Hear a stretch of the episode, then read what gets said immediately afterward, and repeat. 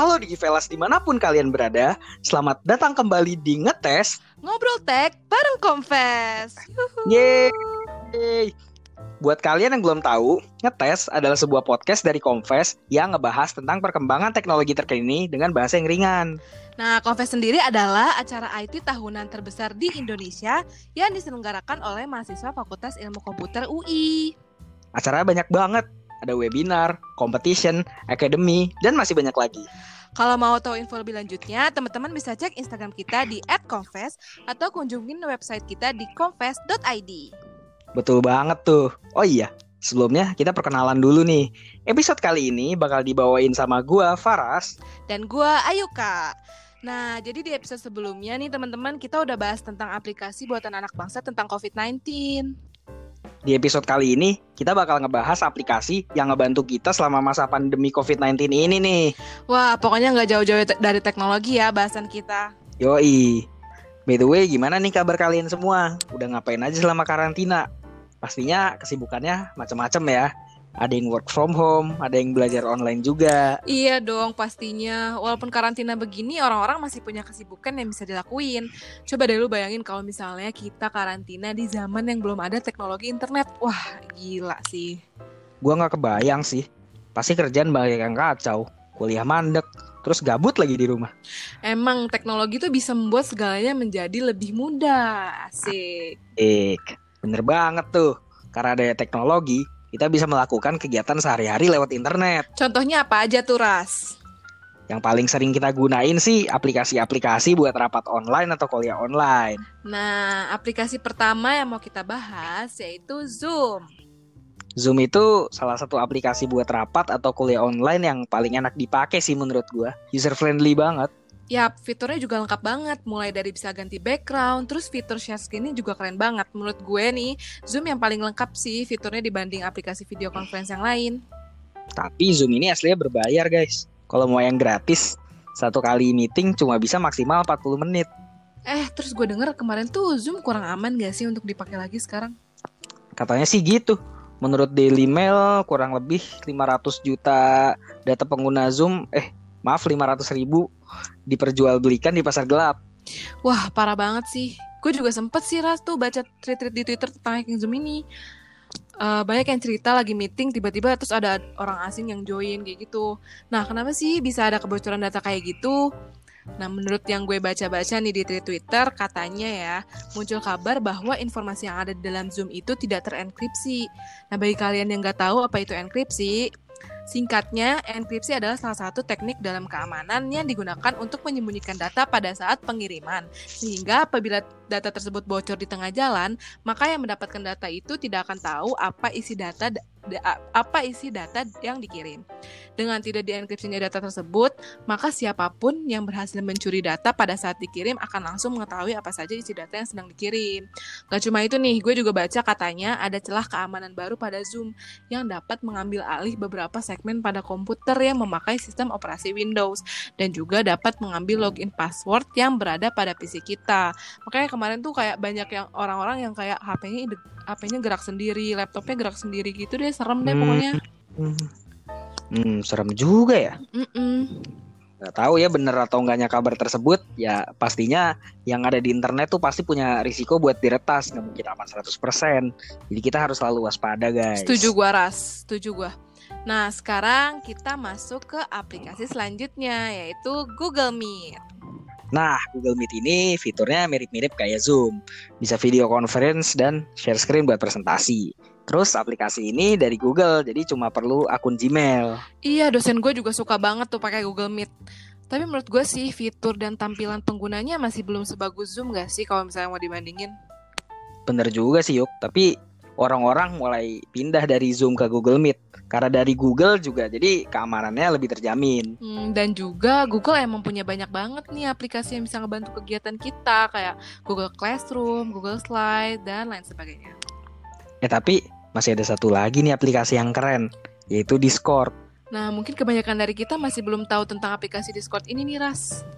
Discord itu sendiri sebenarnya aplikasi yang awalnya dipakai buat komunikasi atau voice call pas lagi main game. Tapi sebenarnya bukan cuma buat itu doang. Aplikasi ini punya banyak banget fitur, mulai dari video call, share screen, bisa denger lagu bareng, bisa adjust volume orang juga nih. Jadi bisa fokus ke orang yang mau kita dengerin doang.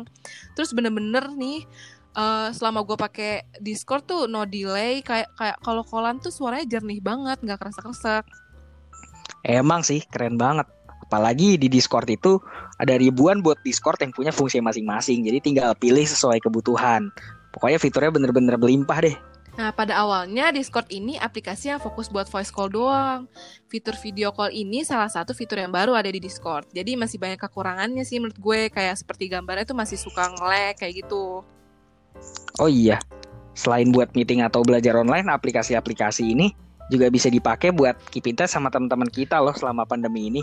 Kan susah tuh buat ketemuan. Iya, hmm. iya, iya, bener banget. Bisa video call sama teman-teman. Kemarin tuh bukber online kan waktu masih buka masih puasa ngegame bareng, bisa nonton film bareng lewat fitur share screen. Terus juga bisa dipakai untuk silaturahmi dengan saudara-saudara di kampung halaman. Yoi, apalagi sekarang kita lebaran di rumah ya. Iya, nggak bisa kumpul-kumpul bareng keluarga, kita video callan. Iya, selalu ada solusi dengan teknologi. Betul. Ngomong-ngomong, gue jadi kangen nonton konser sama temen-temen deh. Jenuh soalnya di rumah terus. Kegiatan cuma kuliah online. Eh lu tahu gak sih kemarin tuh kan banyak konser-konser online yang diadain. Oh iya, gue tahu tuh. Tanggal 6 Mei kemarin gue sempet nonton konser online-nya 88 Rising. Artisnya keren-keren, ada Rich Brian, Nicky, Casey, dan lain-lain. Eh, gue juga sempet nonton konser di rumah aja yang diselenggarain sama Nasi TV. Gila tuh keren banget, parah waktu itu. Dia open donasi gitu kan selama konser berlangsung di kitabisa.com hmm. dan udah terkumpul kemarin tuh kalau nggak salah ya itu tuh kayak sebanyak 13 miliar. Wow, banget dah pokoknya. Wow. Keren banget ya. Keren banget. Emang di masa pandemi ini banyak orang yang kesulitan. Jadi kita mm -mm. mereka yang membutuhkan. Iya, benar banget, Tras. Dengan ada konser online ini, artis-artis Indonesia juga jadi tidak terhambat untuk terus berkarya dan menghibur para fansnya. Mantap. Berarti pandemi yang ada bukan halangan buat industri hiburan di Indonesia untuk terus berjalan ya? Iya, Ras. Nih, contoh lain nih yang gue tahu kemarin, itu juga ada diselenggarain audisi online buat teater petualangan Sherina loh. Wah, baru tahu tuh gue. Emang sistem audisi online-nya gimana? Sistemnya tuh biasa lah jadi orang ngepost video nyanyi di Instagram buat ikutan audisinya. Rame banget tuh main teman-teman gue banyak banget yang ikut hmm udah banyak juga ya tapi yang kita bahas. Iya. Ngomong-ngomong kegiatan lu selama karantina ini ngapain lagi sih? Gue kepo nih. Wah lu nanyain gini ke gue. Ya pasti ke kesibukan gue cuma tiga. Kuliah nonton drakor sama scrolling shopee yang bisa berjam-jam tuh. Gila tuh ya kemarin promo gila-gilaan banget dah dari produk A sampai Z. Ah gila gila gila. Hmm. Kalau gue lihat sih emang e-commerce itu penggunanya lagi sangat meningkat ya sekarang-sekarang ini. Betul. Banyak banyak promonya, terus orang juga lagi susah kan buat belanja keluar rumah mm -mm. karena pandemi. Jadi untungnya ada e-commerce hadir sebagai solusi. Asik banget Ras, apalagi ciwi-ciwi ya kan? Bawaannya tuh pengen belanja mulu. Apalagi sekarang belanja tinggal scrolling HP Pencet-pencet tombol, beres deh. Kalau nggak kontrol juga bisa habis deh rekening gue. E-commerce ini emang memudahkan banget sih di masa-masa pandemi ini. Menurut bisnis.com, pakar ekonomi tuh udah memprediksi pandemi ini bakal ningkatin penggunaan e-commerce sampai dua kali lipat. E-commerce juga ngebantu perkembangan ekonomi Indonesia loh. Indonesia itu Wah. sekarang negara dengan ekonomi digital terbesar di Asia Tenggara. Wah, emang dengan adanya teknologi e-commerce ini benar-benar ngebantu semua pihak ya. Sekarang belanja yang paling aman tuh emang cuma lewat e-commerce sih yang jadi pihak ketiga daripada dari penjualnya langsung. Kita kan bisa lihat review, rating dari barang-barang yang kita mau beli juga. Jadi aman lah ya, kita bisa mikir-mikir dulu kalau mau beli sesuatu. Mm -mm. Anyway, tetap harus hati-hati ya guys kejahatan yang bisa terjadi di e-commerce tuh nggak cuma penipuan, tapi juga bisa ada pencurian data kayak kasus Tokopedia yang terjadi baru-baru ini. Eh iya tuh bener-bener bener Tokopedia kemarin gue denger-dengar kena kasus pencurian data ya. Kenapa bisa gitu sih Ras? Uh, kalau yang gue baca di Kompas kurang lebih 91 juta data pengguna Tokopedia itu berhasil diretas kemungkinan karena ada celah di enkripsinya. CEO Tokopedia William Tanuwijaya juga udah menyampaikan kalau pihak Tokopedia udah berusaha investigasi bersama dengan Kemenkominfo. Masalah enkripsi lagi ya ternyata hampir sama kayak Zoom. Nah, untuk kita nih para pengguna aplikasi online harus selalu waspada dengan sering-sering ganti password. Nih tips dari gue ya. Gunakan password yang aman nih. Atau nih kalau kalian takut lupa kan biasanya kalian takut lupa jadi pakai password yang gampang-gampang kan. Nah, kalau lupa kalian bisa taruh aja di catatan kalian. Kayak di notes HP atau di catatan buku gitu Hmm. gitu. Tips juga nih kalau un- eh, tips juga untuk kalian untuk tidak memakai password yang sama untuk semua akun di aplikasi yang berbeda-beda. Karena kalau satu data udah bocor nih di salah satu aplikasi bisa kena yang lain juga, bahaya. Betul tuh. Jadi emang internet itu sangat kebantu manusia, apalagi di saat pandemi COVID-19 ini.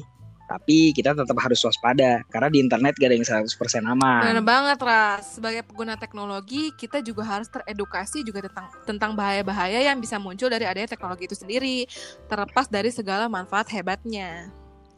Siap yuk.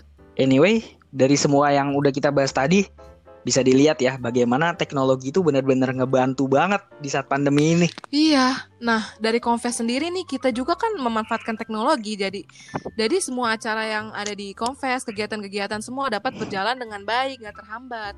Contohnya tuh kayak kemarin webinar, nah itu kan kayak seminar tapi lewat online kan. Kemarin tuh kita udah sempat live Instagram tuh kemarin webinar pertama. Nanti acara-acara lainnya juga bakal diadain online juga, pas.